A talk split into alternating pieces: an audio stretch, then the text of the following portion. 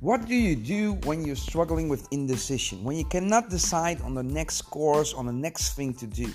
Right? When you feel stuck? Well, that's what we're going to talk about today. Let's go!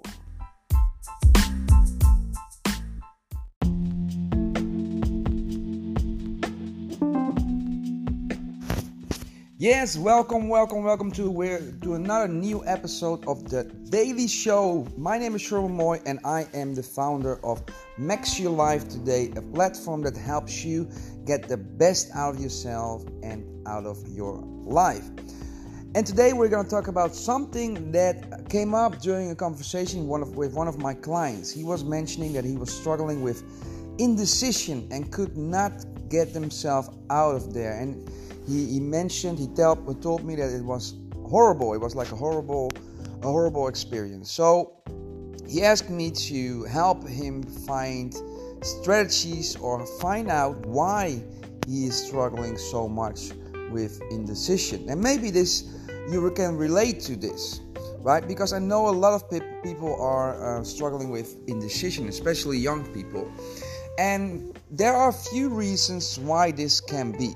But firstly, the question that he asked me is not the question I would ask you to ask yourself because you you don't want to know why you want to know how to fix it right? So that is the to- that's the aim. The aim is to find ways how you can solve your indecision and maybe you need to find out and dig a little bit deeper and find out why you're struggling you most so, you most certainly will have to do that uh, but keep your eyes on the prize. What you really want is to find out why, not why, how you can solve it. Right? Why is just um, a step in between. So don't get stuck on the why. All right. So why do people struggle with indecision in this day and age? Right? There's a lot of reasons. So as always, the first thing that I would suggest anybody that is struggling with anything is to do some research. So this is also what I, I told him, right?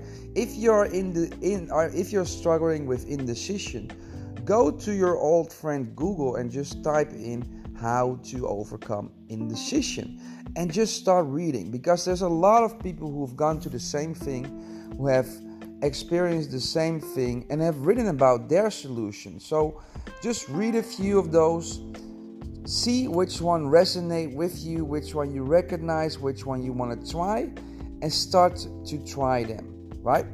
So another thing which is always key and it's also something i told this client is that it always begins with awareness. So whatever you want to do on personal development you always have to um, work on building up and cultivating more awareness. So, more awareness of what you feel, what you think, and what you do. Because therein lies the key, right? Because in the moment that you feel indecision, there is an internal dialogue going on. But most of us don't realize that. It's so subconscious that they don't realize it and they cannot hear what, what they are saying to themselves. So, the first step is to get really still and get really aware of the in- internal dialogue that is going on when you are going through a period of indecision. Right? So that's a big tip. So when you are struggling with indecision, try to listen to the story that you're telling yourself because in that story there will be a lot of clues. For example, it might be that you have a fear of making the wrong decision. Right? So if this is the case, basically what you're saying is you fear you have a fear of, of failing. What if I pick the wrong one and it turns out to be the wrong one and I fail? Right? So this is a fear of failure or a fear of picking the wrong decision. So this one you can reframe by by telling yourself and, and, and, and convincing yourself that there is really no wrong decision there isn't. Because every decision, every road that you take will teach you something, right? So, another way that you can tackle this one is to just do a pros and cons list, right? Just list this. I know that Tim Ferriss has written a lot about this one, so go to Tim Ferriss's blog, tim, tim.blog, and Google maybe um, matrix for making decisions, something like that. So, what he does is he he lists the pros and cons, so the worst case scenarios and the best case scenarios, and then he starts to think about the impact that each one could have. Right, so for the worst case scenarios, that might be what if this would ha- would happen? Would this re- really be the end of the world or would I easily recover from it, right? Then you take the intensity and the gravity and the potential impact of your decision, you take it down a notch, right? At the other side, you can look at what would happen if you do make this decision, right? Or what would be the best outcome, right? And then start to notice that the odds of being at a good outcome and a, or a bad outcome are maybe the same. Or maybe the odds of turning it turning out bad are maybe a little bit or a lot lower right? So that's a, a way of basically tipping the balance of your fear. So towards it's not so scary right? It could also be that you're struggling with indecision because you don't know what you want. And basically, that's the definition, right, of indecision. But what I mean is that you don't know what you want on a deeper level. If you have a vision of who you want to be, what you want to create, what you want to bring out into the world, what life you want to live, if you have a really clear vision, you take this with you every day and that becomes the, the glasses or the, the yeah the glasses through which you look at the world right? So it becomes like um yeah how do you call it in english? Like a matrix that helps you validate choices. But you don't do this on um, on a, on a on a conscious level. You do this on a very unconscious level. So what you do is for example uh, an opportunity comes by and you instantly check it off against your wish list, against your personal life mission. And you don't do this in a conscious way. It's a feeling, right? It's an instant feeling that tells you, like, no, this is not for me. Or, hell yeah, I want to do this, right? And that's the very thing that will make uh, making a decision so much easier because it becomes very intuitive because you have done the work, you've created a vision for your life, you know on a deeper level what you want. So every decision that comes by, every opportunity that comes by becomes a lot easier because you just have to feel.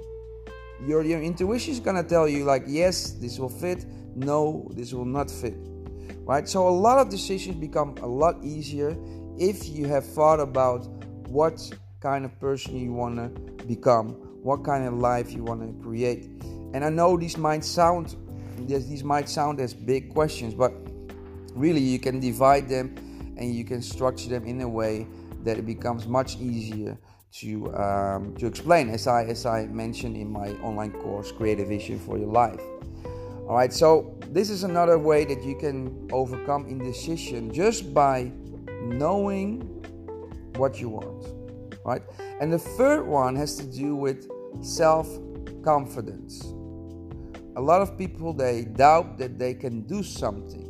So then it might be that you do know what you want and you do know that you want to do it, but you doubt that you can be able to do it. Right? So then you're also st- stuck in indecision because you want to do it, but you're fearful that you can't do it. So you don't take a decision, but you want to do it, but you're fearful that you can't. See how you're stuck? So, right, this one comes down to building confidence. And the only way to build confidence is to take that step, to take the little step. And once again, you can use that matrix. So, what if you do? What if you do take that risk? What could happen? And is this really, really something that's likely to happen? Because most fears are so unlikely to happen, but in your mind they're really real. So just write them down. Ask yourself, is this really likely to happen? Yes or no. If it happens, what would be the consequence and how easy would it be to overcome the consequence and you you you'll notice that most fears are not that scary maybe you feel bad for a while if you get rejected but that's not something life threatening it's not something that that you can't overcome right and at the other side of course is what if you did go for it? What could it what could it bring you? Maybe another life maybe another life in another country maybe a lot more money maybe a lot more fulfillment maybe you could grow right? So usually because you want it there is a big upside. There is a big benefit of doing it. So just blow that one up. Blow those blow all the reasons why you want it what what it could give you what it could bring you blow them the hell up. Blow them up as big as you can right? And then at the other side make those spheres like diffuse them by looking at them and by asking yourself how likely is this really to happen? And also really think about what is it really so bad if it would happen right? Make it make it as small as you can. If there are fears that are legit fix them like find a solution for them but most fears you'll see, you'll see are irrational fears all right, so these are a few ways, uh, a few reasons for indecision, also a few ways to solve indecision. But what I would recommend you to do is take out Google, take out your phone, and just Google how to overcome indecision because I know that there has been uh, a lot written on this subject. So you'll find a lot of strategies, right? And try those strategy out in your life. And this is going to be such a valuable tool because a lot of strategies that I'll just I just uh, explained to you you can use on a lot of things. So see it as filling your toolbox up with new life strategies, right? So Google how to overcome indecision or do it in your own language or maybe formulate it differently, uh, but start to investigate a little bit and start to become more aware of why you are struggling with indecision. So, when you are struggling with indecision, um, just ask yourself at that very moment, what am, I, what am I saying to myself right now? What is the story that I'm creating right now? All right. I hope that you found this this uh, valuable. This was a special episode in English this time, so uh, I hope this, this you found this valuable and um, you can implement these lessons into your life right away. Hey, if you want to reach out to me, you can always find me on Instagram at show.coach. I always love to hear uh, from you. If you have any subject that you would like me to address, if you have any questions, suggestions, or complaints, just send me a message. I am right here at the other end of your phone. All right? Ciao!